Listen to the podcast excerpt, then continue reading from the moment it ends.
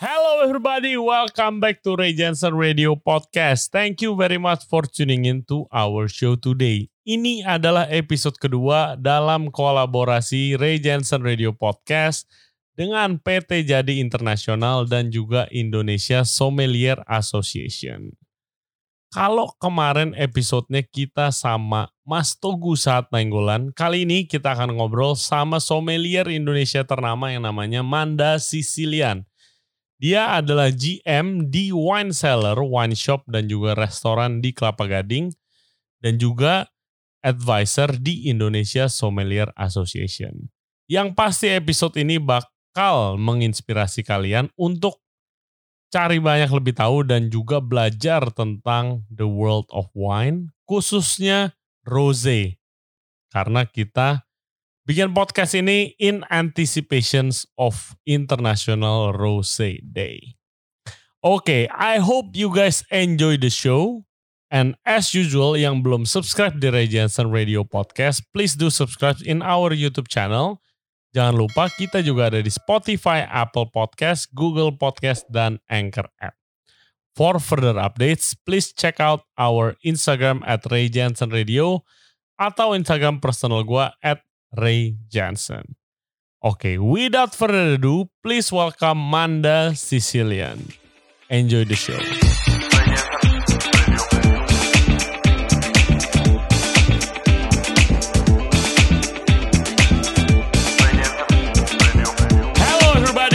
Welcome back to the show. Kita udah ditemenin sekarang dan akan ngobrol-ngobrol dengan sommelier ternama Indonesia namanya Manda Sicilian. Dia adalah GM dari wine cellar yang ada di Kelapa Gading dan juga advisor di Indonesia Sommelier Association.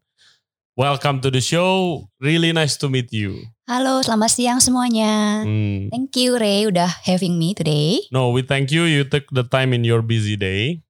Sama-sama. Ma Manda buat yang belum tahu uh, lu itu siapa dan pekerjaan sebagai sommelier tuh kayak bagaimana sih? Boleh gak jelasin sedikit uh, what is your job description sebenarnya?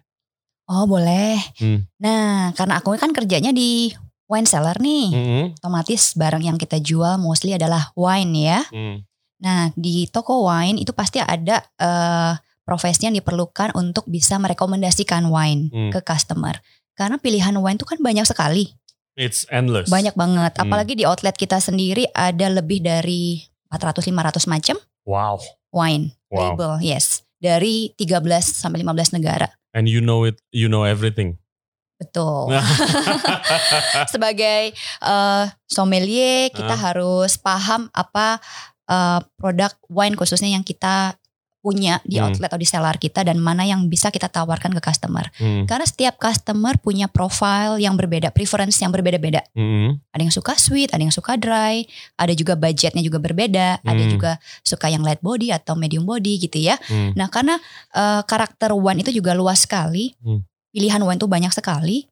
Uh, customer akan bingung memilih wine yang cocok dengan mereka. Apalagi yang baru mulai mau coba-coba. Ya. Apalagi masih blank banget kayak mereka ya. datang bener-bener nggak tahu mau oh, mau pesan apa. Hmm. Nah itulah salah satu fungsi dari profesi sommelier ini, hmm. Hmm. gitu. Hmm. Dan seorang sommelier pun juga diharapkan paham dengan rasa dan iya. taste yeah. dari setiap wine ya, hmm. gitu. Jadi kalau memang ada customer tertentu suka karakter wine tipe A misalnya, hmm. nah dia harus tahu nih wine-wine apa yang memang semua karakternya seperti itu.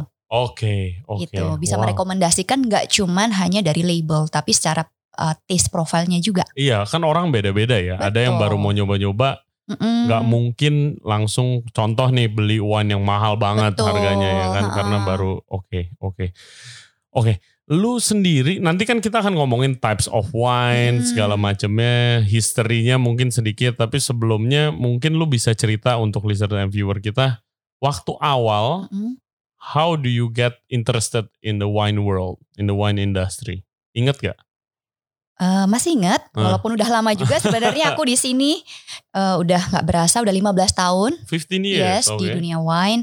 Jadi uh, memang perjalanannya panjang ya. Hmm. Bisa dibilang memang proses sih. Hmm. Gitu karena uh, 15 tahun yang lalu kalau aku flashback uh, wine pertama yang aku minum adalah yang sweet. Hmm. Kebanyakan begitu, khususnya Semuanya, cewek bener gak sih? Yes. Dan waktu itu aku nggak ngerti tentang wine ya. Hmm. Jadi uh, teman-teman cewek cuman rekomen uh, kamu minum Moscato aja nih, manis. Oh, Mosca- oh, iya. ya kan. Moscato. Spa- Sparkling, ringan, 5% doang alkohol, manis. Kayak Hmm. cewek banget. Hmm, hmm. Nah, buat kita yang pertama kali nggak pernah minum wine ya mereka nawarinnya kayak gitu kan. Jadi oh iya ya nyobain Moscato enak nih gitu. Hmm, hmm. Karena kan dulu juga asumsinya aku kan semua wine tuh kayak pahit ya, Ya. nggak enak gitu. Jadi agak perlu waktu sebenarnya untuk aku sendiri bisa appreciate wine. Hmm.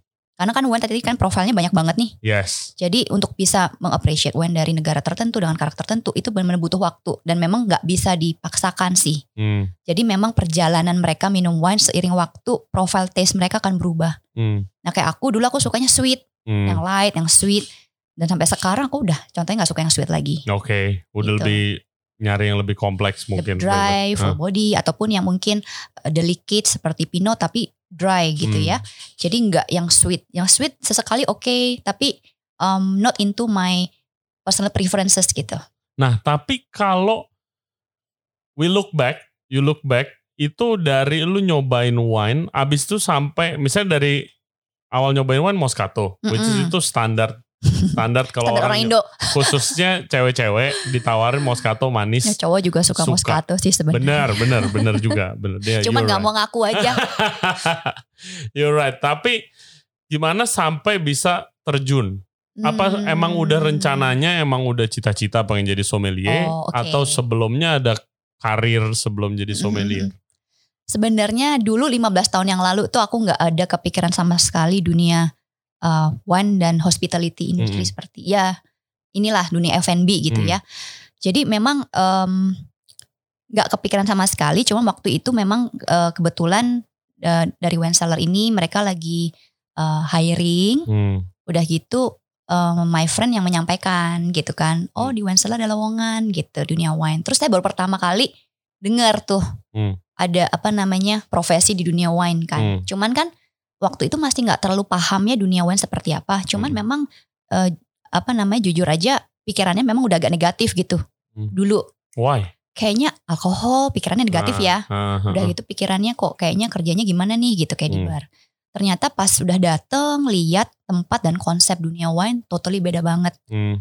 What, Jadi what do you find? Bedanya apa dari pikiran lu apa? ya, dulu kan mikirnya kayak bar ya. Nah, oh barsin gitu Dan ya. dulu kayaknya kan lim- 15 tahun lalu belum banyak nih wine bar kayak sekarang ya orang Iya, exactly.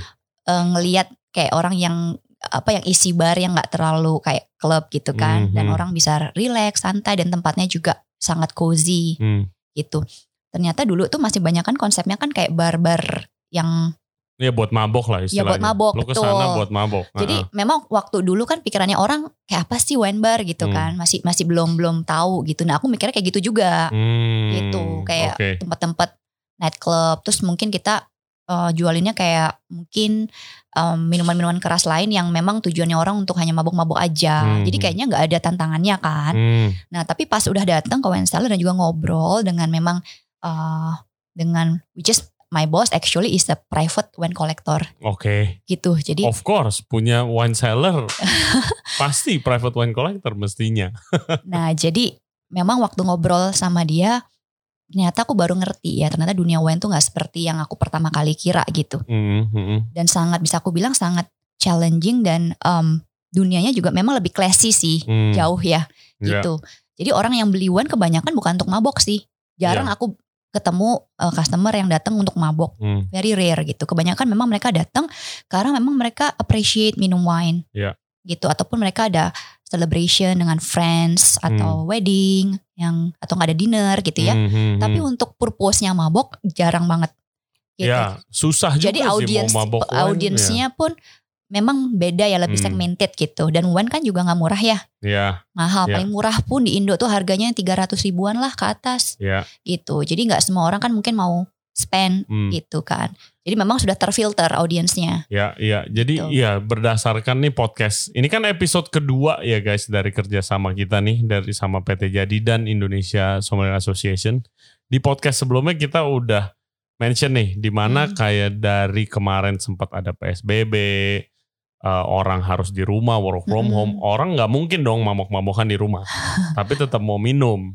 Ya Aus kan? di rumah ya. Jadi tapi kalau wine itu conversation jadi lebih lancar, terus lebih chill gitu, lebih santai lah bawaannya. Nggak perlu sampai kayak mabok muntah-muntah ngapain hangover sebelum no nobody. Kalau lu minum-minum di rumah lu nggak mau lah. Makanya actually my friends juga baru kemarin ini baru kita mulai yang wine gitu loh di Mhm, rumah mhm. nge-wine which is really Ray sukanya minum apa di rumah?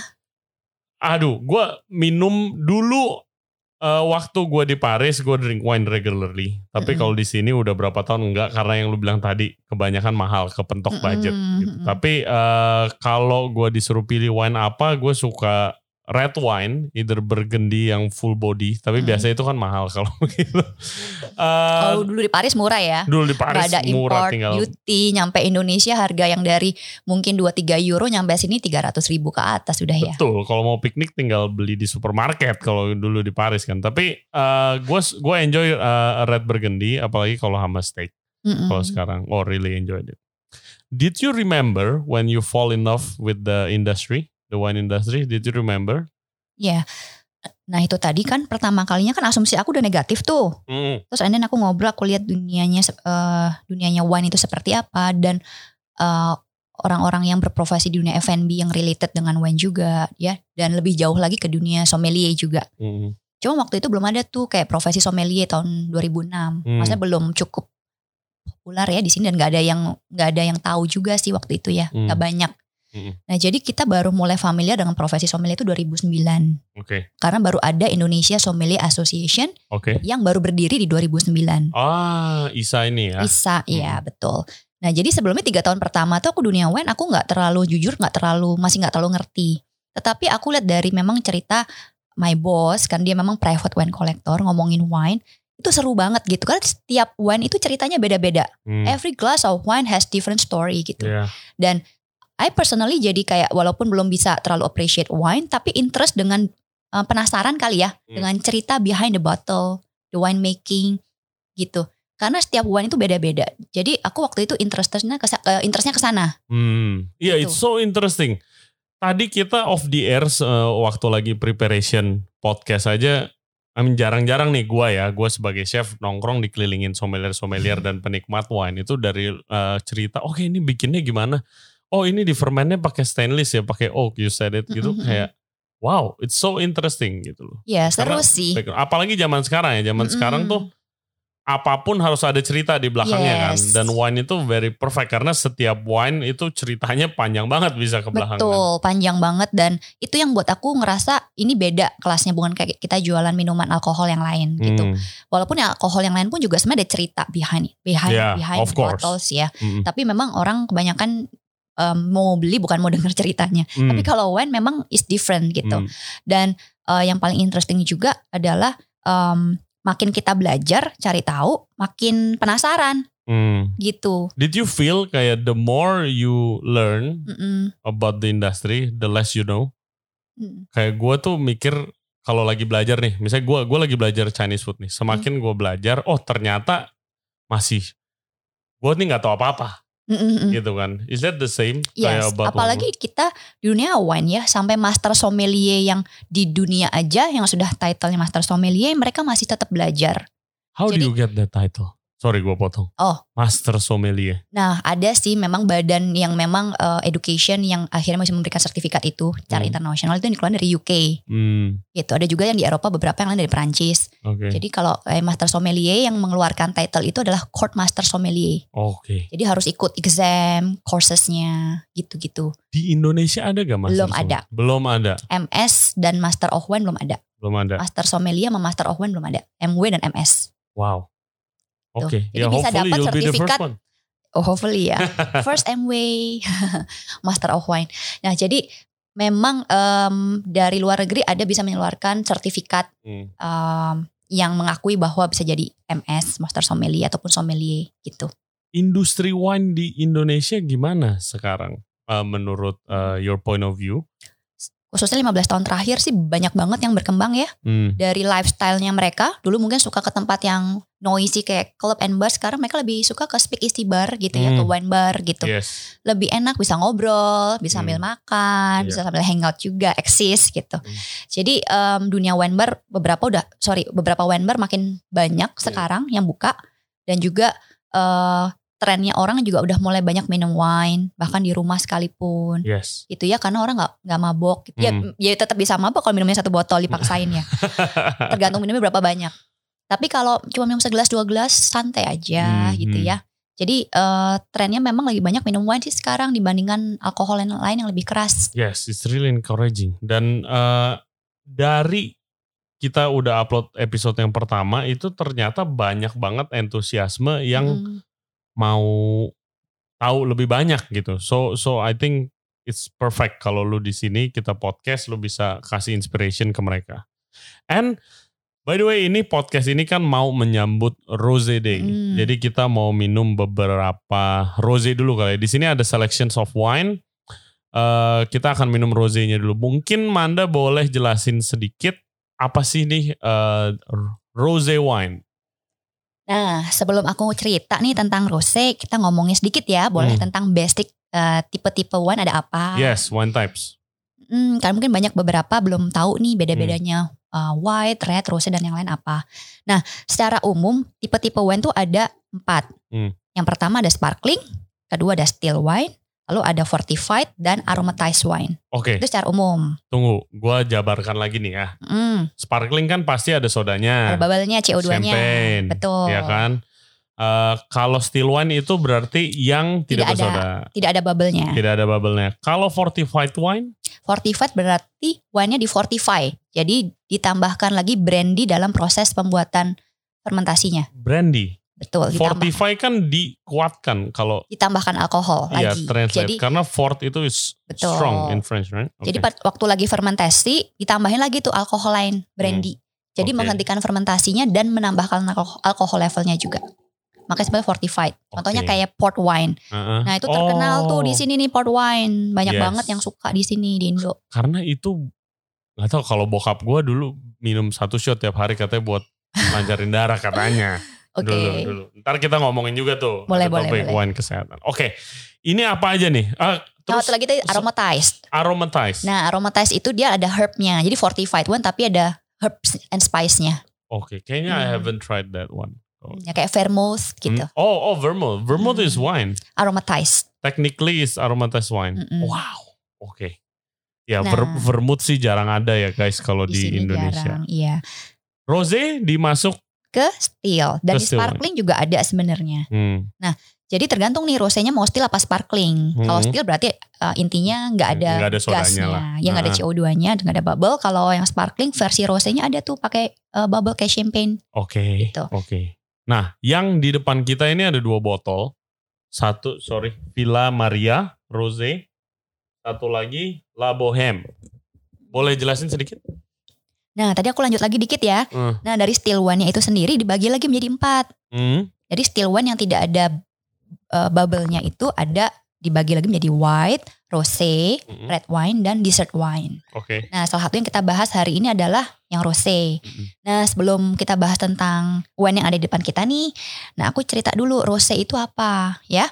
Nah cara bikin rose wine sebenarnya sama kayak bikin red wine, Ray. Hmm. Cuman uh, skin contact atau istilahnya maturation process atau istilah mudahnya proses anggur, uh, jus anggur sama kulitnya direndam itu lebih singkat daripada red wine. Oke. Jadi cara bikinnya sama kayak red wine, cuman Hmm. lebih uh, lebih singkat Mm-mm. skin contactnya. Mm-mm. Jadinya warnanya lebih pucat, lebih pink, Hmm. dan juga taninnya lebih soft daripada red wine. Oke. Jadi sebenarnya Tannin tuh rasa sepet-sepet. Tannin rasa sepet-sepet. Iya, nah, iya. tannin sama acidity, acidity juga beda. Karena Hmm. tannin tuh seperti rasa kering kalau kita minum teh. Hmm, Ada rasa ya, sepet dalam ya, rongga teh mulut. mengandung banyak tannin. Tannin. Yes. Tapi bukan acidity. Hmm. Jadi acidity dengan tannin bisa bergaris lurus ataupun bisa bertolak belakang juga Oke. gitu. Nah, otomatis eh, dari skinnya itu kan ada tannin, Mm-mm. skin kulit anggurnya. Iya. Karena dia direndamnya cuma sebentar sama kulit jusnya, jadinya rose itu nggak terlalu sepet seperti red wine. Warnanya juga Hmm. lebih pink, lebih uh, pucet daripada red wine karena skin kontaknya itu lebih singkat Oke. gitu. Oke. Jadi uh, mirip seperti rosé cuman versinya lebih lighter aja. Hmm. Dan satu lagi ada satu tipe lagi namanya dessert wine which is yang wine manis. Yes, yang wine manis itu Hmm. Moscato tadi dessert wine bukan? Tapi Moscato lebih ke sparkling. Oh tapi iya, juga- sparkling juga. Yes. Mm. Kalau dessert ada lagi lebih manis dari Moscato. Southern. Dari Bener Southern ada betul. Oke. Yang dari dari Prancis ya dari Iya, Bordeaux. Iya, iya. Ada juga banyak sih dari negara-negara lain juga ada Oke. dessert oke. wine. Kayak ice wine yang mungkin juga terkenal di sini. Yes, ice wine. Nah, itu dessert wine kategorinya. That's the first wine I've ever drink. Ice wine. Oh oke. Gue di, dikasih bokap dulu. Nih cobain wine, ice Mhm. wine. Ternyata ya it's interesting sih ice wine. Betul, betul. Iya kan dia dibuat dari wine yang udah pas winter kan harvestnya kan. Jadi kalau ya harvestnya pas winter waktu dia frozen masih Iya. masih masih di tangkai yes, uh, ininya. Yes. Masih Oke, di vineyardnya. kita omongin lagi Iya. ice wine. This episode is about rosé. Oke, kita ada dua rosé boleh dijelaskan awal sambil kita cobain mungkin Manda. Oke boleh. Yang mana dulu? Nah kita boleh cobain yang eh, La Boheme dulu. Berarti yang ini ya. Yang, yang ini La. Boheme. Ya La Boheme. Kita Ini? yes It's poured. betul. already. Yang botol ini maksudnya aku tunjuk Hmm, ya. hmm. Kelihatan dikasih lihat botol. Ada, nanti kita ya. udah siapin uh, shooting beauty shot ya. Oke. Oh, cheers. Nah cheers oh, dulu. cheers dulu. Nah, La Boheme ini dia dari Yarra Valley dari Australia. Mm-mm, Anggurnya Pinot Noir. mm-mm. Jadi anggur yang sama juga dipakai untuk bikin red wine. Cuman itu tadi yang eh, aku cerita dia proses skin contact atau macerationnya cuman lebih singkat. Oke. Paling hanya satu hari Mm-mm, gitu mm-mm. ya. Nah, mau sambil dicobain? Boleh. Ajarin listeners and viewers dan termasuk gua your way of tasting wine properly. Oke. Nah, biasa sebelum kita nyobain tuh kita selalu analisa dari appearance-nya dulu, Mm-mm. yaitu penampilan penampilannya which is eh, termasuk warna, lalu lalu juga ada gas atau enggak, Mm-mm. dia clear eh, ada clarity atau tidak dan juga dari ini yang kita bilang adalah legs. Leg itu pada waktu gelasnya kita putar kan ada liquidnya yang turun. Ya. Nah itu disebutnya Kita harus swirl gelasnya dulu. oh swirl. Yes. Nah waktu Swirl di gitu. swirl nanti kan ada nih kayak garis yang timbul di pinggir gelas. Iya. Nah ada liquid yang turun pelan-pelan di Iya. sini. uh-uh. Itu disebutnya legs atau tears. Oke. Mm-mm. Nah, kalau turunnya cepat, berarti dia uh, viscosity-nya lebih light. Mm-mm, Berarti mm-mm. lebih uh, alkoholnya mungkin lebih rendah ataupun wine-nya bisa lebih light body Oke. gitu. Tapi kalau turunnya lebih lama berarti kan makin kental Mm, gitu. Jadi kemungkinan alkoholnya lebih, full tinggi. body. Iya, iya. Alkoholnya juga lebih tinggi Hmm. biasanya. Nah, jadi biasa kita selalu analisa legs-nya, color. Nah, dari warna sendiri banyak menginformasikan kita beberapa uh, beberapa hal. Salah satunya adalah vintage. Mm. Kita tahu umurnya wine dari warnanya juga. Oke. Beberapa wine bisa kita lihat dari warna. Elaborate, Nah, please. Jadi kayak khususnya em, ngomongin white wine. Kalau white wine warnanya biasanya makin deep golden, dia lebih older dan juga biasanya lebih sweet Oke. Oke. gitu. Jadi dari warna pun kita sudah bisa mengira nih kira-kira wine-nya ini gimana gitu. Hmm. Nah, kalau untuk red wine, kalau makin muda warna merahnya tuh lebih ke ungu, Mm, purple. Kalau makin tua warnanya udah mulai lebih soften, lebih ke coklat oranye kayak Oke. garnet gitu. Oke. Nah, jadi dari warna pun kita sudah tahu, oh wine-nya ini mungkin masih muda ataupun dia udah age, udah aging berapa lama Hmm. gitu. Jadi pertama kita eh, lihat dari appearance. Kedua adalah kita smell dari nose-nya. Menurut Ray gimana nih ada aroma apa? Ada yang dikenalin nggak? Waduh, on the spot nih. Kan dulu chef kan, Yes. pasti nih familiar sama aroma-aroma buah dan yang lain-lain. Apa buah ya? I don't know, maybe peach. Kalau gua. Ya ada peach, Hmm. ada juga seperti strawberry, Ya, ya. Ya, berries, uh, berries, berries. and kayak, uh, ya, tapi red berries bukan yang Hmm. black ya kalau yang ini. hmm, Kalau black dia beda lagi nih, yang ini lebih red berries. oke, Apa anggurnya juga kan Pinot Noir. hmm, Nah Pinot Noir karakternya lebih ke red berries oke, gitu. Jadi kayak red currant, strawberry, uh, raspberry hmm, hmm, gitu. Itu lebih ke karakternya Pinot Noir. oke, Nah dari aroma sendiri sebenarnya membedakan nih setiap anggur kan punya karakter masing-masing. hmm, Kayak Pinot Noir, Cabernet, Sauvignon, Merlot, Syrah. Mereka punya masing-masing karakter. hmm, Nah jadi dengan kita dari mencium dari aroma, uh, kita udah bisa kadang mengidentifikasikan grape-nya apa. Tapi Hmm. memang uh, kita harus cobain juga ya. Hmm. Tapi bisa beberapa wine khususnya white wine, mereka punya karakter unik yang kita dari nose-nya aja udah tahu nih grape-nya apa. Oke. Nah mungkin kalau Ray pernah lihat beberapa orang ng- ngelakuin blind tasting, Yes. cepet nih satu menit udah bisa tahu ini wine-nya, grape-nya apa, tahunnya, dari negara mana, Hmm. bahkan daerahnya. Hmm. Nah itu Iya, salah satu That's dari crazy menurut gua. betul. Dan salah satunya dengan teknik yang tadi saya cerita tuh Iya, iya, dari iya. pertama appearance lalu ke nose, nanti kita cobain palate juga. Jadi di breakdown satu-satu dan mereka sudah tahu oh karakter anggur ini biasanya ada aroma apa. Hmm, Jadi hmm. pada waktu kita smell, kita identify, nah kita tahu deh tuh kayak Pinot Noir kan bisa lebih ke red, Iya. eh, red berries ya, Hmm. gitu. How long does it take buat lu tahu? Mesti Kayak- sering minum, tergantung jam terbangnya. Kalau jarang minum ya lama nggak nggak bisa bisa.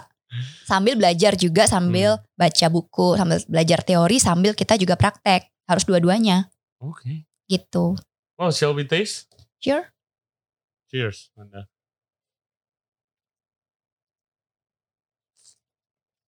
Oke, you do that thing kayak itu buat apa? Oh. Boleh jelasin? Udah kebiasaan ya aku, Iya. jadi kelihatan beda ya.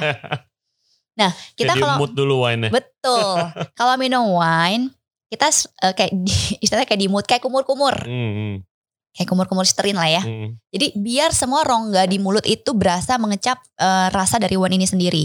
Karena wine itu kan kompleks sebenarnya. Jadi kita bisa mengidentify dia kayak punya acidity, eh, dry atau sweetness level, tannin, body dan yang lain-lain itu kita eh, perlu identify dan juga termasuk seperti eh, karakter ada grape apa primary primary taste-nya, secondary taste sampai tertiary taste Hmm. dan juga after taste-nya seperti apa. Jadi kita mau merasakan wine ini benar-benar. Hmm, hmm. Kalau langsung diteguk, ya kan nggak bisa dirasakan dong.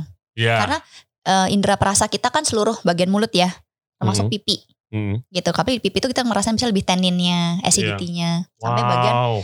eh, Iya.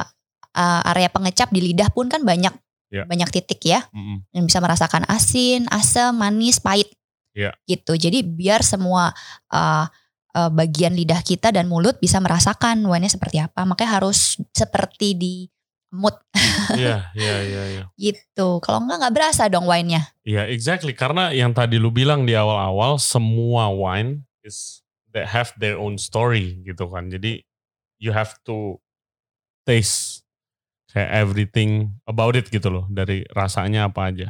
Betul. And uh, ini di depan kita ada makanan. Dan kita harus nyobain satu rose lagi abis ini. Mm, Mungkin I- kita boleh compare sama satu lagi ya. Compare dulu baru tasting. Compare aja dulu ya. Oke, oke. Biar Yang side by tadi side itu La Bohème. Mm-mm. Yang sekarang Villa Maria. Ya, yang tadi pertama dari Australia, anggurnya Hmm. Pinot Noir.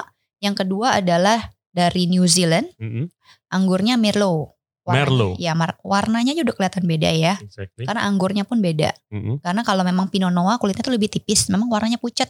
Sekalipun dia eh, yang eh, Pinot Noir yang versi rednya, Mm-mm. warnanya pun paling pucat di antara semua red wine yang lain, paling light. Oke. Jadi gampang dari warna udah kelihatan, oh ini Pinot Noir gitu. Hmm, oke, oke, oke. paling oke. beda sendiri.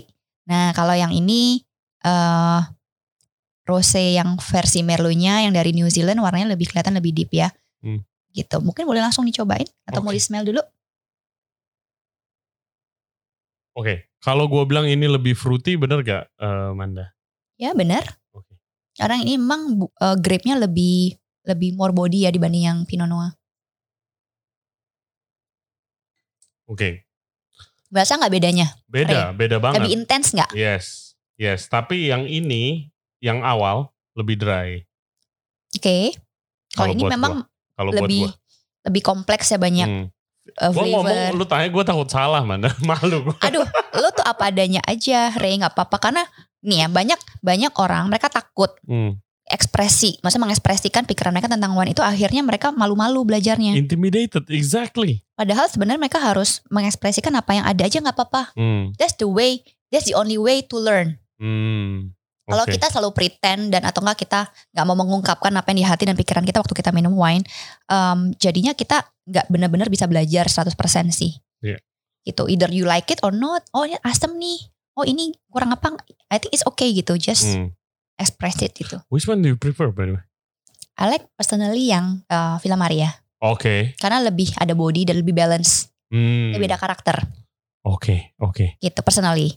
Yeah, yeah, it's all about personal choice kan. Dan juga sebenarnya tergantung mood dan tempat. Mm-mm. Yang oke, ini cocok di mana, cocok di Nah, mana. Biasanya Kalau kan kayak sekarang sama lo nih, gue Ah. lebih suka yang ini nih aku. Oke, oke. Yang Villa Maria. Mm. Kalau lagi kayak ceritanya aku lagi di pantai, Hmm. nah di Bali nih, Hmm. I would go with this one yang Oke. lebih lighter style. Oke, that makes sense. Yeah, Yeah. that makes sense. Karena panas kan, Iya, terlalu iya, heavy juga nggak enak, pengap. Hmm. Jadi something yang light, refreshing, I think better lah kalau kita kayak di Bali. Makanya kan sebenarnya rose itu laku banget di Bali sebenarnya Oh ya, dibanding Jakarta oke. gitu. Karena udaranya ya, Hmm. Moodnya ya. moodnya, udaranya juga, banyak kan outdoor. Mm-mm. Jadi enakan di Bali yang dingin-dingin tuh kayak white wine juga, sparkling, champagne. Oke, jadi di depan kita sudah ada beberapa makanan. Kita mau do a little session of food pairing. Kita mau cobain apa nih hari ini? Ini di depan kita ada bebek, ada salmon, dan of course wine. Harus ada cheese platter. Kita cobain yang mana dulu, Manda? Oke, kalau gitu kita cobain yang eh yang rose yang pertama dulu, Yang ini, oke? oke? Yang dari Yarra Valley ya. Mm-mm, mm-mm. Kita cobain sama ducknya ya, Oke, gue cobain sama-sama ducknya. ya. I mean, kalau mau food pairing, ada gak teknik-teknik tersendiri atau? Sausnya harus cobain juga. Saus ini Oh, penting oke. banget pada waktu eh, pairing karena saus itu bisa menentukan beda sekali hasilnya. Alright, alright, alright. Oke. Lu bisa control Yep. di sini.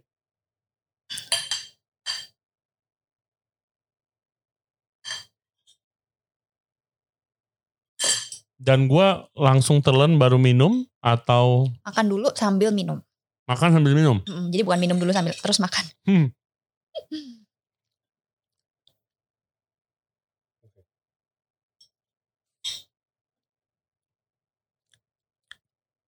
What are you trying to find kalau lagi food pairing? Boleh jelasin sedikit?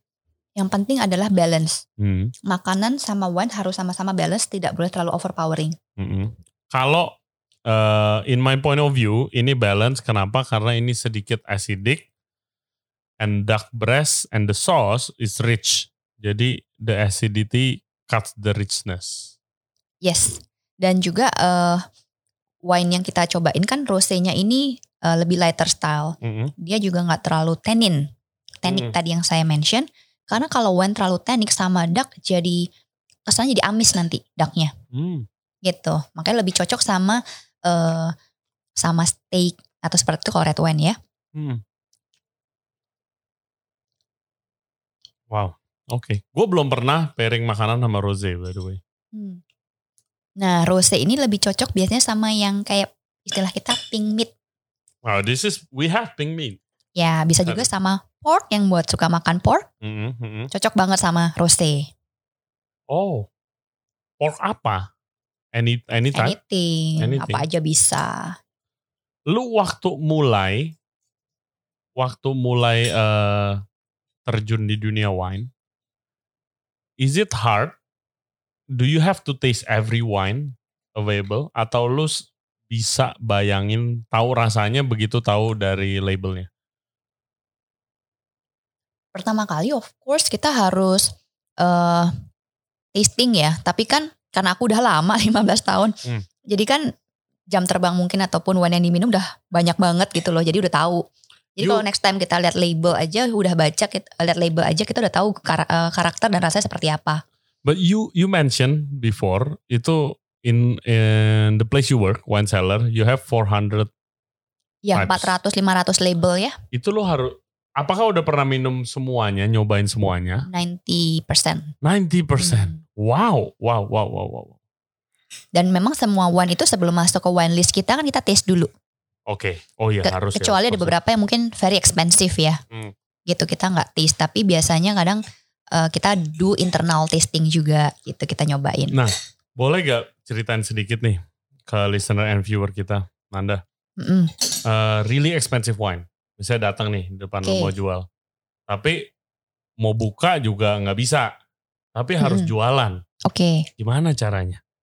Nah, makanya paling penting itu sommelier harus tahu banget wine-nya yang dia jual tuh apa. Mm-mm. gitu karena kalau kita nggak bisa nggak mengerti tentang produk yang kita jual bagaimana kita bisa jualan ya Exactly.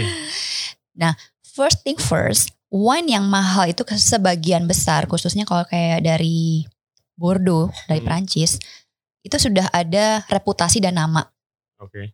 gitu jadi em, kita sebenarnya tidak perlu terlalu banyak em, eh, menjelaskan juga karena sudah ada reputasinya gitu. Contohnya kayak dari Bordeaux Grand Cru Classé. Jadi ada wine-wine tertentu yang masuk udah dalam sejarah brand-brandnya, produsernya. Gitu. Oke. Dari tahun 1855, Hmm. dari zaman Napoleon Bonaparte. Nah, Wow. jadi setiap tahun wine itu selalu dicari wine kolektor untuk dikoleksi atau diminum. Dan Hmm. harganya pun bisa naik terus-terusan. Bisa diinvest juga. Nah, wine-wine yang masuk dalam list Grand Cru Classé, contohnya dari Medoc Classification 1855, itu tiap tahun kan selalu ada emang diproduksi kan. Nah, itu banyak yang orang selalu cari. Gitu. Jadi kalau memang wine kolektor yang beli, mereka udah tahu. Ini Hmm. brand-brand ini. Tinggal paling biasanya mereka cari vintage yang cocok gitu ya Hmm. Tahunnya yang lebih pas untuk dia beli. Nah, tapi kalau eh, customer mungkin yang belum pernah tahu nih wine-wine Grand Cru Classé dari Bordeaux. Nah, mungkin memang sommelier itu perlu menjelaskan terlebih dahulu. Hmm. Tapi yang saya perlu highlight intinya tidak semua orang itu mungkin akan bisa menyukai wine-wine yang mahal ini. Hmm. Gitu. Why? Karena kan kembali lagi profile palate setiap orang kan berbeda. Hmm. Sedangkan wine yang Grand Cru Classé ini honestly these wines are very dry and very powerful and full bodied gitu. Dan beberapa customer yang masih suka wine yang manis, yang lighter style nggak akan suka Hmm. gitu. Jadi em, kita melihat siapa yang minum dulu. Kalau memang yang kalau kita lihat memang nggak mungkin bisa appreciate, kita pun nggak akan tawarkan wine-wine yang mahal juga sih, gitu kan kasihan wine-nya kebuang nanti.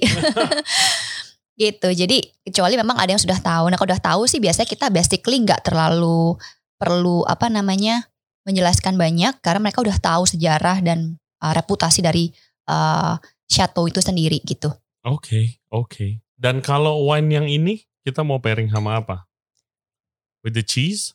Shall we try with the cheese? Nah yang rose ini kan tadi udah kita coba sama duck and salmon ya. Hmm. Eh, Ray lebih suka pairingnya yang mana? Gua suka yang ini hamadak menurut gua cocok banget. Yang rose yang pertama Ya ya? rose yang pertama itu hamadak again yang tadi gue bilang uh, it balance out. Dibanding sama yang salmon? Yes, Kenapa lebih tuh? balance yang ini. Karena menurut salmon gua bukannya lebih lighter ya? Lebih cocok. ini kalau di gua, di gua ini very rich meat, duck. Sama the sauce is brown sauce very rich. Ini to balance out. Kalau eh, chef tuh diajarinnya kalau misalnya lemak, makin banyak lemak harus perlu asam buat balance it out kan. Gitu kalau gua. Tapi bukan berarti ini sama ini nggak enak. Ini sama yang wine yang pertama. Tidak enak. Tetap enak.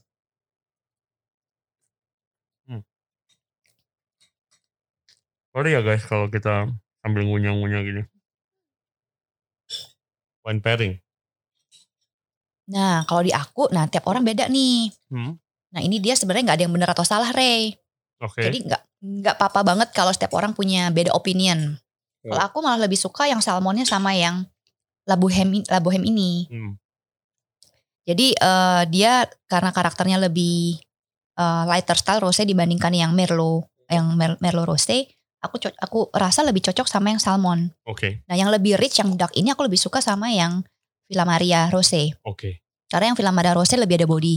Hmm. Jadi sama yang dark lebih balance gitu. Oke. Gua gua gua Jadi jadi jadi nggak apa-apa nih, Ray. gua belum enggak, gua belum cobain sama yang ini. Oh, Let's see, let's see. Karena tiap ya, orang beda-beda paletnya dan seleranya. Jadi sebenarnya sah-sah aja kalau setiap orang punya beda opini. Hmm. But what's your favorite wine as a sommelier? Can you have a favorite wine? favorit wine aku udah banyak banget nih bingung yang mana. aku highlight beberapa ya. Hmm. Aku suka, kalau dulu kan eh, 15 tahun yang lalu aku cerita ya, aku sukanya yang manis kayak Moscato. Hmm. Nah kalau sekarang aku sukanya yang karakternya mungkin lebih dry. Contohnya kayak Pinot Noir dari Burgundy. It's one of my favorite.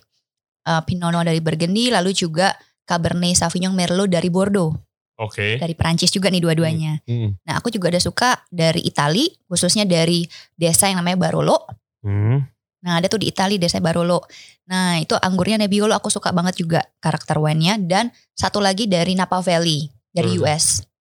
Iya, sama kayak kalau nanya chef, lu paling suka makan apa? Ribet panjang jawaban. Panjang-panjang ya. Nah ini aku udah pilih nih beberapa. Kalau nggak kepanjangan listnya semuanya suka. Tapi empat ini yang paling aku sering cari ya. Hmm. Oke, balik lagi kita ke your career, Manda. Mm. Lu eh, selain jadi GM di wine cellar di Gading, lu juga di Indonesia Sommelier Association lu eh, act sebagai advisor. Betul. What is your role as an advisor? Job description-nya gimana? Dan mungkin boleh jelaskan sedikit tentang program-program ISA. Tunggu, sambil kita mungkin boleh dituangin next wine-nya. eh sommelier kita. Oke, silahkan Manda. Nah sesuai dengan namanya advisor. Jadi Hmm. memang tugasnya adalah mengadvise Hmm, tim eh, BOD kita yang sudah ada di Indonesia Sommelier Association. Hmm. Sekarang kan sudah ada timnya dari eh, yang menghandle semua job desk ya. Hmm. Nah jadi saya sekarang sih lebih tepatnya lebih hanya advising saja. hmm, Jadi kalau memang mereka ada yang perlu di advise ya saya baru eh, kasih inputan Hmm. gitu. Di sisi lain sebagai advisor juga eh, saya sebagai salah satu trainer di ISA. hmm. Nah, Tuh. program-program ISA ini sendiri ada apa aja nih? Nah, buat yang belum tahu ISA, ISA adalah Indonesia Sommelier Association. Kita ada saat ini base di Jakarta dan di Bali. Untuk saat ini baru dua kota. Nah, karena namanya juga Indonesia Sommelier, inilah wadah dan community untuk uh, pencinta wine ataupun uh, sommelier-sommelier yang baru mau belajar ataupun um, profesi uh, dunia orang yang kerja di F&B mau mau menjadi sommelier Hmm, gitu. Jadi komunitas wine ini cukup agak luas dari wine drinker sampai sommelier hmm, gitu. hmm, Dan kalaupun ada yang memang tertarik mau jadi sommelier nih kayak gimana, boleh banget bergabung di ISA juga. Di ISA itu kita ada program untuk wine workshop. Setiap tahun kita adakan untuk eh, sommelier dan juga untuk eh, eh, wine drinker yang memang bukan kerjanya di dunia F&B Oke. cuman mau hanya belajar tasting. Itu Kayak kita gua ada program. nih. ya boleh banget yes. Iya. jadi kan nggak semuanya memang dunianya kerjanya di F&B ya. Hmm, hmm, nah jadi kita buat dua program. Nah setiap tahun kita adakan eh, sekali gitu untuk saat ini ya heeh. lalu kita juga adakan sommelier competition Oke. ada di nasional dan juga ada internasional kalau internasional kita di bawah naungan eh, ASI ASI itu yang internasional sommelier tapi internasional Gitu. Wow, Oke. jadi eh, kita ada tiap tahun ada kompetisi juga Hmm. ajang di mana semua uh, member kita ataupun sommelier-sommelier yang ada mereka bertanding untuk menjadi yang salah satu yang terbaik dan di sana pun mereka kalaupun menang mereka akan mewakili Indonesia di luar negeri Hmm. bertanding dengan best sommelier dari negara-negara lain Wow. jadi sangat bagus sekali buat karir ya karena nggak cuman hanya uh, bertanding di Indonesia Hmm, tetapi hmm. bertanding di luar negeri di mana Hmm. ketemu sommelier-sommelier luar negeri yang memang jauh lebih punya experience ataupun punya skill di mana Hmm. kita juga bisa melihat uh, different culture of sommelier F&B di, di negara-negara lain Iya. It's, gitu. it's interesting karena kan kalau dibandingkan mungkin sama sommelier dari Eropa gitu kan. Mm-mm. Eropa tuh kan orang Eropa nge-wine tuh kayak orang Indonesia ngopi. Kalau buat gue ya. Kayak gue pernah lihat Murah soalnya cuman satu euro ya. iya satu Seharga euro teh. lima euro udah enak banget gitu Kalau sini yang kayak bobati lebih mahal. Bisa 30 ribu, 2 euro, 3 euro. kayak gue mereka tuh gue pernah lihat orang eh gue lagi di Milan waktu itu orang duduk sendirian minum red wine aja udah. Tiga jam. Kita makan dari main course sampai Mm-mm. dessert karena kita turis pengen nyobain semua. Terus ini orang sendirian aja chilling nggak megang HP nggak megang apa just drinking wine Mm, chilling looking around ya nyantai aja gitu. Di sini kan culture-nya beda. Kalau kita kan lebih ngopi gitu kan. Iya. ngopi buat ngobrol ke orang sana nge-wine. Lu pernah gak misalnya waktu lagi di kompetisi itu lu feel disadvantage dong pasti kita ngerasa terintimidasi ya. Kalau Nah. di internasional ya, hmm, internasional kita Iya. ngomongin internasional ya karena mereka honestly lebih lama eh jam terbangnya dibanding kita.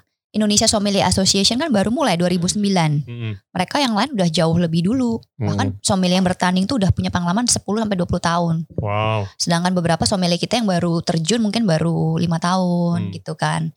Jadi eh, dan juga bahasa mereka lebih unggul ya bahasa Inggris dan juga eh, bahasa Perancis. Hmm, Jadi kalau di sommelier competition kadang terbuka juga untuk bahasa Perancis. Jadi mereka boleh pilih mau bahasa Inggris mau bahasa Perancis. Oh gitu. Iya. Ah kebiasaan orang-orang Prancis mau bahasa Prancis mulu.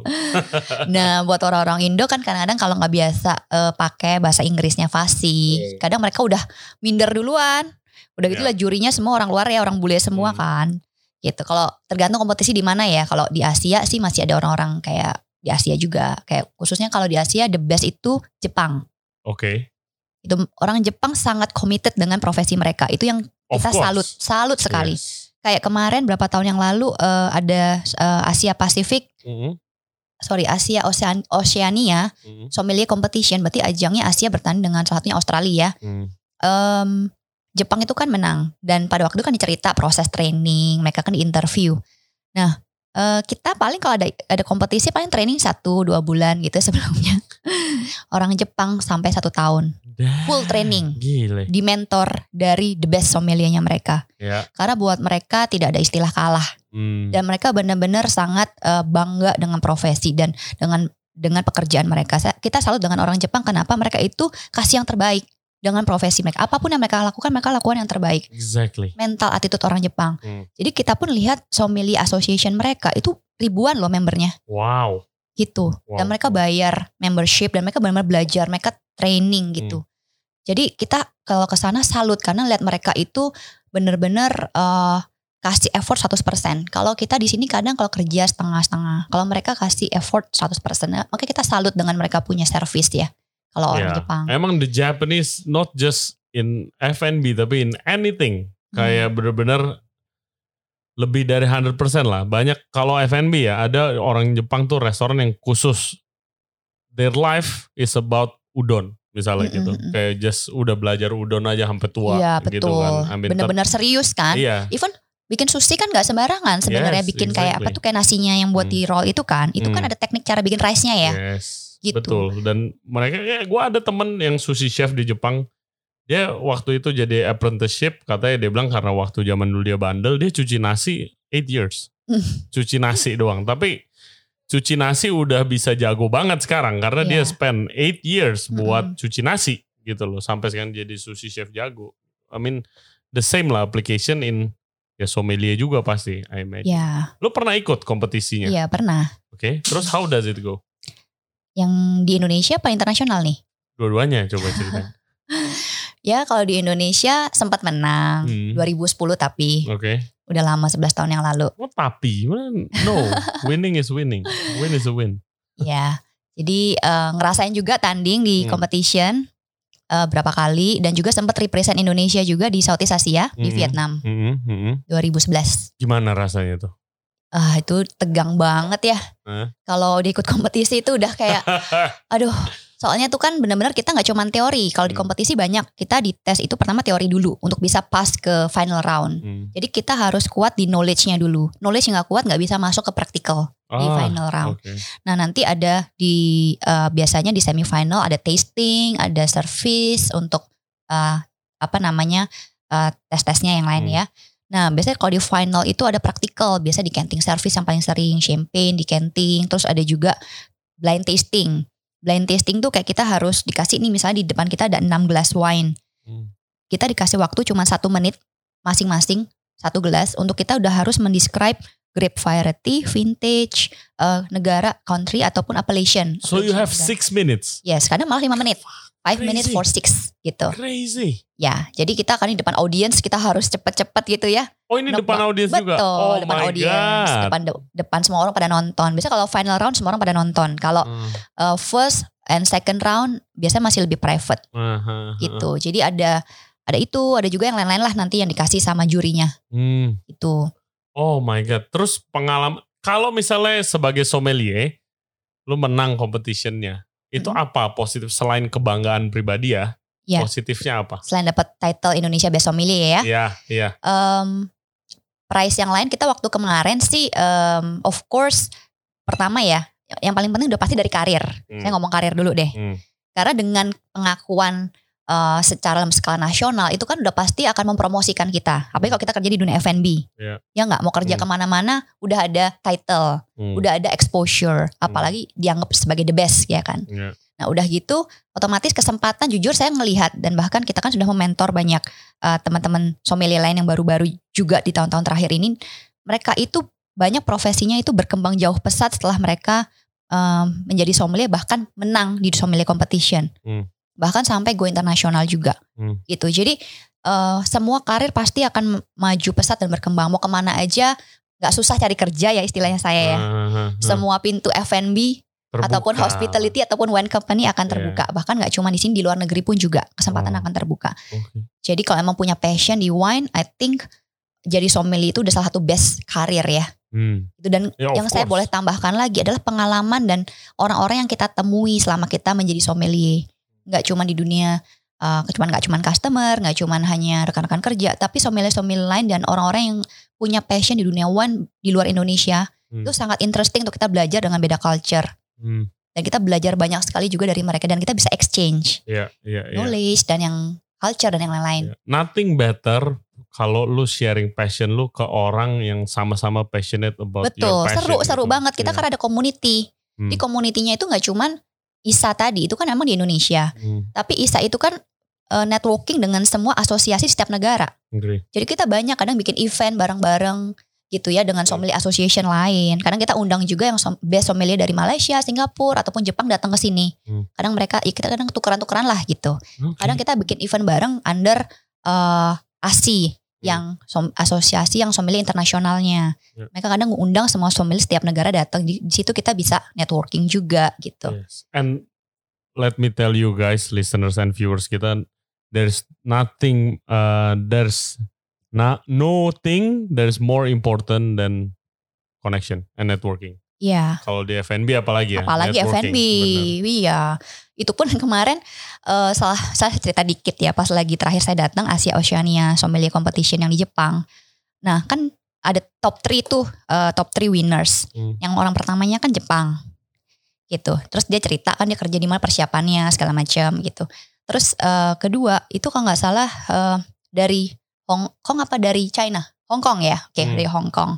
Nah dari Hong Kong dia itu cerita, itu pun dari Hong Kong luar biasa juga dia dedikasinya. Dia untuk ikut sommelier competition dan untuk bisa belajar training dan menang, dia resign 6 bulan sebelumnya kerjaannya. supaya bisa full. Crazy. Full karena kalau dia nggak salah kerja di hotel dulu ya. Kalau kerja di hotel kan jamnya panjang ya. Ya. Ada waktu untuk. Ya, you never know kalau ada tamu butuh ya, sommelier pulang bisa malam, capek lagi, banget ya. lah pasti dia. Nah makanya dia ambil waktu. Gue benar-benar mau menang di sini. Dia quit biar dia bisa full time. Dia oh dapat posisi God. kedua. Oh nah pas lagi di situ bayangin banyak banget audiens tuh kan ribuan yang lihat hmm. dengan semua media yang datang. Ah. I believe udah habis waktu itu selesai iya, dapat job offer di mana-mana. Gak, susah. Gak susah lah. Iya. Tapi dia ngomong sih dia buat bercanda sih. Well, now I'm available. Kalau ada yang mau butuh butuh mau hire, I'm hmm. open gitu. Dia dia dia promosi sedikit. Cuman itu satu uh, yeah. contoh nggak susah lah cari kerja sampai hmm. sekarang. Dan dia kalau saya lihat setelah waktu itu jadi kayaknya populer di mana-mana gitu. Oh, that's nice. That's hmm. nice. Itu salah satu lah benefitnya ikut kompetisi. Kalau yes. memang terbukti salah menjadi salah satu yang terbaik ya, gitu. Oke okay, guys, jadi listeners ya, please jangan malas ikut kompetisi. Uh, dulu gue males soalnya mana. Oh oke, okay. kompetisi gua, apa nih? Ya waktu masak. Oh, Kalau ada kompetisi masak apa pun, gue tuh tipe orang ya ini kayak banyak chef-chef muda mungkin males. Ah ngapain lah gitu hmm. loh. Emangnya kalau menang dapat apa sih? Enggak, dapat menang dapat pertama connection, Tadi yang paling penting ya terus opportunity. Iya dan satu lagi yang paling penting adalah sebenarnya pembelajaran ya. jujur Ray hmm. karena ilmu itu nggak bisa datang instan hmm. oh gue langsung buka buku langsung bisa belajar wine tuh nggak bisa cuma sebentar no. kita pun bertahun-tahun belajar di sini dan nggak ada pun yang master ya hmm. jadi yang saya bisa share satu yang kita dapat dalam proses kompetisi ini adalah ngepush mereka untuk belajar hmm. kalau mereka nggak dipus nggak mau belajar juga Ntar yeah. ikut training besok lagi udah lupa tuh diomongin apa kemarin kan nah tapi dengan ada kompetisi mereka jadi benar-benar belajar dan itu mereka akan gaining skill knowledge yang mereka nggak bisa dapetin dengan cara lain. Ya. Yeah, Which is itu yang akan bisa menolong mereka ke mana-mana kerja gitu. Agree, agree. Boleh dijelasin sedikit next wine nih kita punya white wine sudah dituang white wine oh, udah ya. Nah, nah ini, kita ada apa nih berikutnya? Kita ada Rose Rock dari Oregon, US. Grape-nya adalah Chardonnay dan mm -hmm. tahunnya 2016 ya. Cheers lagi, Manda. Cheers. Nah, Ray mungkin smell nose yang beda. Sama yang tadi beda.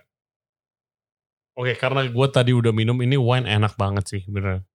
Hmm. Dan so nambah good. terus kayak dari tadi sebenarnya sebelum mulai Dari tadi ada berapa sebelum gelas. Mulai ketahuan deh. Belum mulai. But this is so good. Wine ini wine apa? Sorry. Chardonnay. Chardonnay ya. Hmm. Nah, aku cerita sedikit nih salah satu em, produsernya adalah yang punya domain Ruhang di Hmm. eh dom- eh, domain Ruhang dan juga Joseph Ruhang yang ada di Perancis. Mm-mm. Jadi satu winery, Oke, satu winery, satu di US, satu, satu, lagi di di Perancis, Oke. Joseph Ruhang. Cuma Hmm. namanya kalau di US eh, domain Ruhang Mm-mm. dan lokasi di Oregon. Nah, jadi stylenya tuh lebih kayak French style Hmm. wine-nya walaupun dia di US. Oke. Jadi kayak Chardonnay-nya pun dia lebih elegan, lebih um, kalau dibandingkan dengan Chardonnay dari Napa Valley yang lain, Napa Valley lain tuh lebih uh, battery, lebih powerful baterinya. Kalau itu lebih clean ya, lebih ke primary karakter. It's very clean. Ya, lebih ke fruits bisa Hmm. dibilang seperti um, citrus ya, uh, apple gitu, lemon, lime. Mm-mm. Itu Mm-mm. lebih dominan dibandingkan kalau um, Napa Valley yang lain dia lebih battery oak dari oaknya juga vanilla itu lebih powerful gitu. Mhm. Jadi stylenya beda. Jadi Ya. walaupun sama-sama US, kalau ini lebih ke French style. Hmm. Dan ini tadi gue makan pakai cheese sih top sih. Ini apa brie? So good. Aku penasaran sama salmonnya dulu nih nyobain.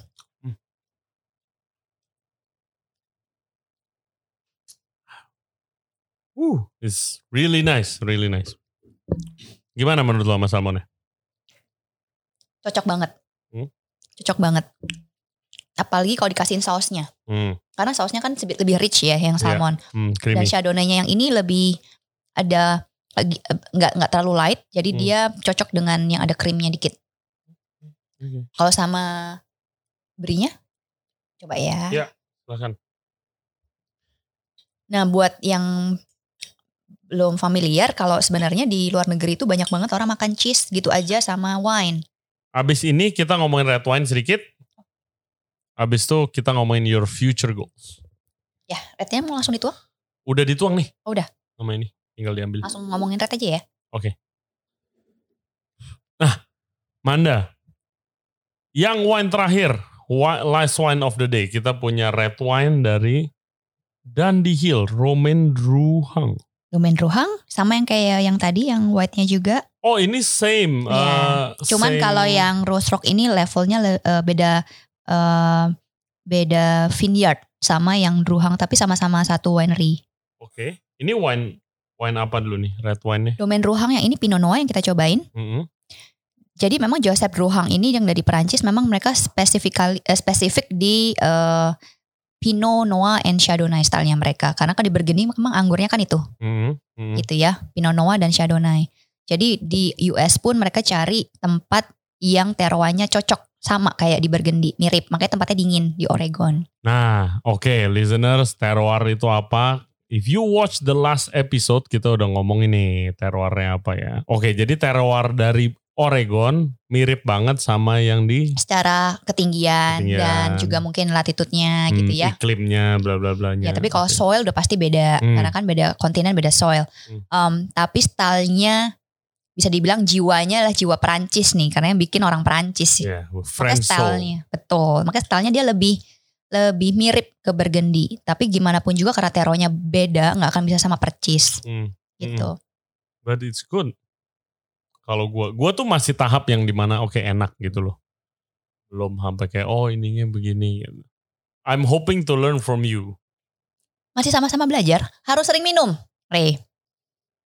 Kalau mau bisa cepet, Different Jam types terbang. ya, different types of ya wine sering testing, learning, compare. Ada step-stepnya gak sih, Manda? Dari mungkin entry level wine ini Mm-mm. itu kalau bisa dibilangin ke viewers kita yang mau belajar step entry level nih minum wine apa dulu nih Untuk apa nih? untuk belajar nyobain wine? Apakah langsung misalnya ya bergendi dulu atau apa Oh. gitu ada Aku berdasarkan customer profile aja ya, Hmm. karena setiap orang kan memang seleranya beda untuk memulai. Kalau kasusnya aku kemarin sukanya manis dulu, minumnya dari Moscato. Tapi kalau ada customer tertentu memang sukanya eh, nggak manis, biasa biasa tapi nggak mau terlalu dry juga kayak Bordeaux, biasanya mulai dari Australia Hmm. atau Chili karena Oke. lebih easier to drink di palate mereka nggak terlalu sepet. Hmm, iya kadang-kadang baru sepet orang nggak demen. Banyak khususnya kan orang Indo ya. nggak Orang terlalu Indo suka nggak- tuh nggak wine demen sepet ya. sepet-sepet. Tapi ada juga yang suka manis, ada juga yang enggak. Hmm. Nah kalau ada yang suka sweet, biasanya ada wine tertentu yang memang eh, medium sweet rate-nya. Atau Hmm. enggak dia bisa minum yang something yang lebih lighter kayak Lambrusco yang dari Itali sparklingnya itu dia Hmm. nggak terlalu em, nggak terlalu heavy dan itu very light kan sparkling ya Oke. mirip Moscato kalau Lambrusco gitu. Nah lalu biasanya kalau dari Australia Chile dia udah udah biasa tuh minum lama-lama karena eh, minum wine itu perjalanan, Ray, karena nggak bisa dipaksain. Kayak sebenarnya memang kalau di di dunia wine Burgundy eh, dan Bordeaux salah satu dua area yang memang wine-nya itu bisa dibilang paling terbaik di dunia. Oke. Burgundy and Bordeaux. Yes. Oke. Tapi anggurnya beda ya. Kalau yang Hmm. Pinot Noir itu eh, apa namanya dari eh, di Ber- dari Burgundy, kalau yang Bordeaux itu anggurnya adalah Cabernet Sauvignon dengan Merlot. Nah, dua-dua ini wine-wine paling mahal di dunia adalah eh, datangnya dari dua tempat ini, biasanya Bordeaux dan Burgundy. Nah, tapi nggak semua orang bisa langsung appreciate Bordeaux dan Burgundy masalahnya. Hmm. Sebelum ngerti wine yang Sebelum- tadi yang easy to Sebelum drink, bisa bla, bla, bla. appreciate wine yang lain. Hmm, hmm, hmm. Karena kadang palate-nya mereka belum belum biasa Iya. gitu. Apalagi di Indo biasanya cenderung agak sweet palate-nya kita kan. Hmm. Jadi dikasih yang very dry apalagi kayak Bordeaux. Bordeaux itu uh, very powerful, full bodied and tannin. Hmm. Gak ada manis-manisnya. Hmm. Jadi walaupun wine mahal banget belum tentu suka. Iya. Jadi uh, udah minum wine yang bisa disuka dulu. Jadi Hmm. selalu uh, su- suggestion kita ke ke ke, ke teman-teman yang baru mau belajar wine, minum apa yang mereka suka dulu deh. Iya. Ya itu tugas sommelier kan. Yes. Wine yang bapak prefernya suka bapak Ya. atau ibu Jadi jangan cari apa nih? Gitu jangan kan. cari yang harus melulu mahal. Hmm. Hmm. Karena memang wine yang lebih mahal cenderung biasanya lebih higher quality. Tapi Hmm. higher quality belum tentu enak dalam pengertian enak di palate mereka. Iya betul. Kembali lagi setiap orang punya palate kan beda-beda. Iya. Orang yang biasa minum sama yang nggak biasa minum kan lidahnya lain. Jadi Hmm. kalau memang belum bisa appreciate wine-wine dari Bordeaux yang which ataupun yang mahal-mahal, nggak apa-apa, sah-sah banget minum wine-wine lain yang mungkin lebih uh, affordable, yang Hmm. dari Australia atau Chile. Iya. Tapi mereka enjoy, is okay. Iya benar. Kalau baru-baru mulai guys, jangan sok-sokan beli wine yang paling mahal. Karena belum tentu. Belum tentu Again, suka. Belum tentu suka. nggak ya apa kan? apa-apa beli yang yang lain yang lebih murah tapi lebih suka lebih suka enjoy karena Hmm. seiring waktu lidah mereka akan mulai penasaran nyobain yang lain Iya. dan juga mulai bosen. Saya ada ah cus- ya bisa saya ada ada customer yang dulu suka banget tiap berapa tahun itu selama berapa tahun belinya port wine terus which is Hmm. port wine is fortified wine yang sweet ya. Oh my god, Jadi alkohol udah sweet. tinggi terus manis banget gitu. Very sweet port wine. Sampai selama dua tahun lah dia minum port wine sampai Hmm. satu titik dia bilang aduh Manda gila gue bosan banget minum port wine gue gak mau yang manis lagi lu kasih gue yang lain akhirnya dia Hmm. mulai bisa appreciate Pinot Noir gitu-gitu terus dia gak mau yang manis lagi tuh udah gak mundur lagi oh udah develop berarti. Udah develop, Udah makanya naik level. Iya jadi perjalanan palate tuh kadang gak bisa dipaksain kalau emang belum bisa minum Pinot Noir gak usah lah dipaksain minum Pinot gitu Tapi lu banyak kenal dong kayak orang dari awal mula-mula nyoba-nyobain sampai sekarang udah jadi penikmat. ya beberapa customer Iya. kita lihat udah develop dia punya palate jadi selera mereka udah berubah And it's your job to guide betul kan ya. karena kita juga sebagai sommelier jangan bukan sebenarnya bukan kayak pure sales ya Nah, Karena kalau sales kadang-kadang nggak peduli ya, kadang customernya suka apa nggak penting gue jualan. nah. Kalau sommelier itu satisfactionnya kita adalah waktu kita offer wine ke customernya, customer itu suka, satisfied Hmm. gitu. Jadi dia percaya dengan kita bahwa kita merekomendasikan yang mereka suka, bukan yang mahal. Ya, ya eh banyak loh yang begitu loh. Nah, makanya paling penting sommelier itu harus bisa dipercaya. Karena sommelier itu kan artinya kita ngerti wine. Kita suggest yang orang bakal suka gitu. Sebisa mungkin. Walaupun kembali lagi pasti Indian mungkin nggak selalu pas ya rekomendasi. Tapi kita sebisa mungkin kita rekomendasikan yang cocok lah. Hmm. Ray suka apa? Kita tanya nih. Ya. Biasanya minum apa? Sukanya minum apa? Grape-nya negara mana? Nah dari situ kita udah tahu profilnya Ray. Dari Mhm. situ baru kita bisa suggest at, at something yang similar. Hmm. Nanti Ya. walau once Ray udah suka, yang penting Ray enjoy aja. Seiring waktu juga Ray nggak akan mau explore pasti. Iya, Kayak- yang beda dong. Heeh. ya kan? Nah, di situlah kita belajar. Oke. Gitu. Nah, guys, kalau mau belajar wine, yang ini langsung praktek nih ya. Lu ke wine cellar, ketemu Manda, nanti Boleh. diajarin kayaknya.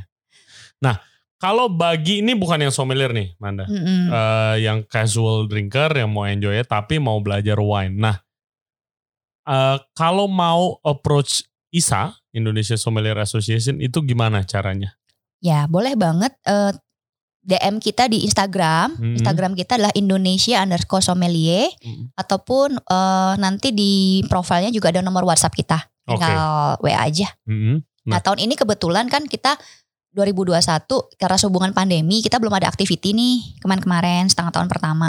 Hopefully eh, mulai Juli atau Agustus kita udah ada aktivitas lagi. Jadi kita Hmm. rencana mau akan adakan wine workshop untuk sommelier dan juga yang non sommelier. What can they expect? Wine workshop itu seperti apa? Nah, jadi di di workshop itu untuk yang sommelier dia akan lebih mendapatkan kelas lebih intensif untuk mereka dipersiapkan ke kompetisi sih. Hmm. Jadi dari teori sampai praktikal. Oke. Karena kan memang em, tiap tahun kita ada adakan kompetisi. Jadi Hmm. sekalian kita bikin workshop, mereka dipersiapkan untuk ikut kompetisi gimana supaya menang ataupun supaya tahulah flow-nya kompetisi seperti apa Hmm. Gitu. Tapi kalau untuk uh, wine drinker yang lain yang nggak nggak memang mau tanding gitu ya atau Hmm. yang kerja di sommelier, kita lebih ke tasting, lebih ke tasting uh, dan juga lebih di mentor lah mereka untuk tasting, Hmm. baca label, tasting, nyobain beda-beda grape gitu. Iya, somehow tuh wine, I think gimana ya, nggak bakalan ada habisnya gitu loh. Kalau lu by experience lu nyobain different wine, your palate lebih develop, Mm.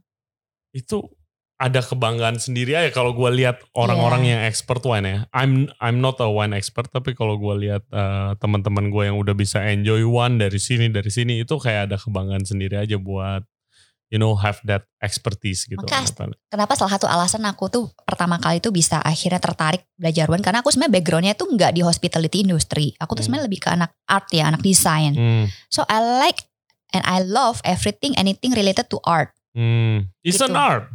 Nah, waktu aku lihat wine pertama kali diintroduce wine seperti apa, aku ngeliat oh wine is like an art gitu. Hmm. So that's why I think it's interesting karena um, kayak ada story-nya dan all the winemakers put all the effort to make this wine ya. Ya. Gitu. Jadi kita tahu kenapa bisa begini wine-nya. Ya. Cari proses pembuatannya atau terroirnya dan juga eh, kita ngejelaskan ke customer seperti jualan art sih sebenarnya. Hmm. Art piece ya. Iya Hmm. gitu. Jadi interesting gitu. Art piece that you consume. Dan setiap wine ada yang sama. Jadi kayaknya kita nggak Ya. pernah ada habisnya lah ya. Hmm. Bisa It's endless. Gila, gue, I mean, I could talk to you for hours learning about wine. Gak ada habisnya kalau ngomongin wine. Gak bakalan ada habisnya, apalagi sambil minum wine. Tapi uh, before we go, Manda will play a little game. Ini gamenya namanya Wine Myth Through All Fours. Oke? Gua akan sebutin beberapa wine myth yang populer di kalangan wine drinkers. Uh, lu boleh jelasin ini bener apa enggak wine myth-nya. Boleh. Oke, are you ready? Wine myth true or false?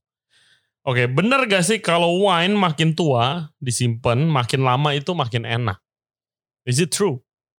Actually is not always true Mhm. karena eh, sebagian besar wine itu nggak bisa disimpan lama. Kalau rose? Tergantung juga rosenya dari mana. Oke. Jadi eh wine itu ada kualitinya ya, ada Hmm. kualitas. Jadi kayak contohnya gampangnya gini, wine-wine yang murah itu nggak punya capability untuk di aging lebih lama. Hmm. Oh, oke. Secara umumnya gampangnya gitu aja. Hmm, Jadi hmm. kalau kita beli di toko 300 ribu sebotol, Hmm. terus kita expect di aging 30 tahun jadi enak. Wine, wine udah keburu rusak. Rusak kalau gitu. wine rusak tuh apa asem gitu? Flat, udah gak ada karakter, kadang ada yang spoil juga. Ah, Oke, oke. Gitu, ada yang jadi oxidized juga kayak cuka. Ah, vinegar. jadi vinegar. Iya, iya Iya. benar. Next step vinegar. Biasa sih paling sering flat. Oke. Jadi em, tidak semua wine itu disimpan makin lama makin enak. Kalaupun ada wine-wine top juga seandainya pun kayak Grand Cru Classic ataupun all the premium wines bisa disimpan di aging memang ada yang 30 tahun bisa Hmm. disimpan. Tapi semua wine itu ada grafiknya. Umur kapan dia ready to drink, kapan dia udah turun udah nggak bisa diminum lebih jauh Oke. lagi. Jadi kalaupun dia bisa minum 30 tahun tapi after 30 tahun mungkin udah nggak bisa lagi. Jadi Iya. ada grafiknya naik turunnya gitu. Jadi eh, setiap wine tuh punya grafik masing-masing. That's why seorang sommelier harus tahu kapan wine ini tuh ready to drink, kapan dia diminum 5 tahun lagi baru enak, 10 tahun lagi baru enak. Kapan dia harus eh, nunggu Hmm. gitu. Nah, jadi eh, nggak semua wine bisa disimpan makin lama makin enak. Ada sih yang bisa, tapi intinya sih setiap wine ada umurnya. Oke. Yes, dengerin guys. Jadi kalau ada yang punya botol lo beli wine 300 ribu, udah lima tahun nggak cepet-cepet diminum. minum. Atau kalau nggak udah jadi pajangan aja daripada dibuka nggak enak dibuang. Udah dicuka, dia mending buat masak deh. Iya, aduh. Campur sama. Jangan Makanan. wine spoil jadi asem nggak enak kan? Jadi itu kan vinegar kan bisa dibuat masak. Iya bisa, tapi sayang aja mending jadi pajangan kalau jadi. Oh, gitu ya. Yang kedua wine myth, wine itu bagus buat kesehatan. Well, ya kalau dibandingkan minuman alkohol lain sih jauh lebih sehat ya. Hmm. Gitu karena kan memang pertama alkoholnya rendah dan kedua juga dia ada kandungan di dalam eh, red grape itu sendiri yang membuat wine itu sebenarnya lebih sehat mempelajari peredaran darah dan salah satu juga ada antioksidannya juga. Hmm. Dan itu memang intinya generally memang lebih sehat dari minuman alkohol lain. Tapi kalau minumnya berlebih, eksesif, let's say mau satu botol tiap hari atau sekali minum, ya ujung-ujungnya adalah side effect dari minum alkohol yaitu adalah ginjalnya kerja jadi nggak bagus. Jadi Hmm. intinya sih bagus untuk kesehatan kalau moderate drinking. Jangan minumnya berlebih. Kalau mabok-mabok juga kita intinya akan sakit ya ujung-ujungnya gitu. Gimana kalau minumnya sendiri? Wine kan kalau besokannya bukannya nggak enak mana? Bukannya harus dihabisin. Idealnya sih gitu, idealnya. Ya cari teman minum ya. Cari teman minum. Tapi kalaupun enggak mau simpen nih udah dibuka, ya I think 2 3 hari masih oke. Tergantung wine-nya kayak kalau kayak white and red, ya tiga harian masih oke ya. Tapi kalau kayak port wine kan alkoholnya tinggi dan dia manis banget. Dia bisa lebih lama, dua Oke. mingguan disimpan.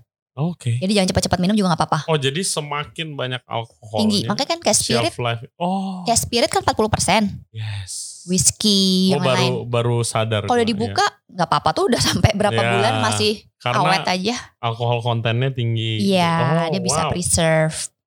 Wow, oke gila gue belajar banyak banget loh, seriously. Next question.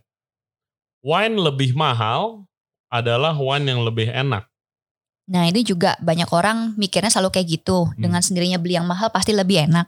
Padahal kembali lagi enak itu tergantung selera. Tiap orang itu beda. Ada yang suka sweet kayak aku dulu sukanya Moscato.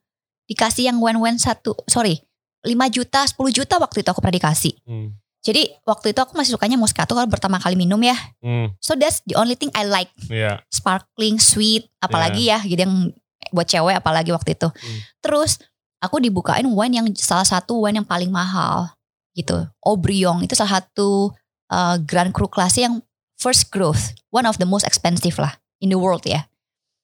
Aku nggak bisa appreciate jujur aja waktu itu. What's- Karena baru join, baru belajar, baru ngerti. Belum bisa langsung paletnya bisa appreciate. Jadi Hmm. nggak selalu when mahal kita bisa langsung appreciate. It takes time. Buat aku, aku bertahun-tahun. Jadi baru bisa appreciate kayak sekarang. Kalau sekarang of course kalau dikasih Aubryon, habis setiap tetes ya. Hmm. Tapi eh, dulu belum bisa. Hmm. Jadi kalau memang belum em, bisa appreciate yang mahal, nggak harus dipaksakan beli yang mahal. Jadi nggak semua wine yang mahal tuh enak karena tiap orang punya selera beda-beda. Nah. Ada yang suka yang murah-murah ya nggak apa-apa, sah-sah aja Oke. gitu. Well, Manda, ini ada last question dari gua nih. What's the most expensive one you ever drank? Hmm, I had uh, some from Bordeaux. Hmm. From Bordeaux yang tadi yang Grand Cru Classe yang tadi saya mention. Ada Chateau Petrus, Lafite, Re- Rothschild, Petrus itu Butong, Rothschild. ya, Ro- Ya. Butong Rothschild itu sangat Yes. mahal dan sangat enak. Yang dari Bordeaux itu aja Hmm. udah harganya above 50 million ya. Di atas 50 juta sebotol. Oh my god. Ada juga dari Burgundy. Burgundy Hmm. juga very expensive. Kayak Leroy. Uh, so kalau kita lihat wine-wine yang di uh, auction. Hmm. Ini adalah wine-wine yang tadi saya sebut tuh salah satunya Hmm. dari Bordeaux dan Burgundy. Burgundy sendiri tuh salah satu wine yang punya uh, reputasi harga paling mahal kalau dijual Hmm. di auction. Contohnya Domaine Romani Conti atau kita singkatnya DRC Hmm. atau juga Leroy. Leroy tulisannya ya. Nah, itu harga pun bisa puluhan juta ke atas. Jadi itu adalah salah satu kayak kalau kita bilang elixir. Pernah gak Elixir minum minum nih udah ekspektasi nih ya. Hmm. Lu kan sommelier, lu tahu reputasi wine-nya gimana. Mm-mm. Terus lu minum eh nggak doyan. Eh, ada lah pasti. ada lah pasti karena kan tergantung vintage juga Eh, tahunnya. Oke. Ada wine-wine tertentu yang gue tuh suka banget, tapi kalau tahunnya nggak eh, nggak the salah, best, ya beda gitu ya. nggak nggak nggak the bestnya dia. Hmm, Pasti ada tahun yang di mana dia nggak nggak nggak nggak nunjukin karakter dia yang Oke. yang seperti terbaik. biasa. Ya. Iya terbaik karena kan tergantung climate. Oke. Di mana pun juga kan agriculture product ya nggak mungkin setiap tahun itu sama. Iya, Gitu. benar. Makanya tiap tahun kita explore nyobain tahun ini gimana, tahun depan gimana gitu. Itu serunya minum wine. Yes, mantap, mantap. Kalau spirits kan tiap tahun sama ya, sama aja, konsisten. Konsisten, spirit is very consistent. Kalau wine nggak bisa. dynamic. It's, It's it's- very it's hard to dynamic. control Mhm. lah gitu. Wow, Manda Sicilian, it's been amazing talking to you. Seriously, gua gua could talk for two more hours, tapi we have limited time, unfortunately. Ya ngomongin wine kalau terusin terus nggak habis-habis ya. We uh, Regency Radio team wish you all success in the world buat future projects ya. Thank Untuk you. your projects, buat wine seller dan juga buat Indonesia Sommelier Association dan juga of course thank you so much for our collaboration partner PT Jadi International for this place Vinplus dan for all the wine. And guys, thank you very much for listening and watching our podcast today. Jangan lupa selain kita ada di YouTube, kita ada di Spotify, Apple Podcast, Google Podcast, dan Anchor app. Yang belum subscribe, cepat subscribe di Regency Radio. Dan juga follow kita di Instagram at Regency Radio atau Instagram personal gue at Johnson. Follow Instagram Manda at Manda Sicilian.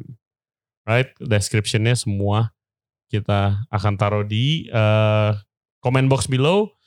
Yang mau belajar wine, either itu yang mau jadi sommelier atau casual wine drinker kayak gue, bisa kontak langsung DM di Indonesia underscore sommelier. Oke, okay. Manda, thank you very much again. Sama-sama. I Semoga hope bisa share sedikit ya informasi yang berguna. ini udah banyak banget buat gue sendiri udah banyak banget. I hope uh, we'll do another session soon. Boleh, boleh, boleh. Ditunggu. Okay, thank you very much guys. We'll see you next time. Bye bye. Bye.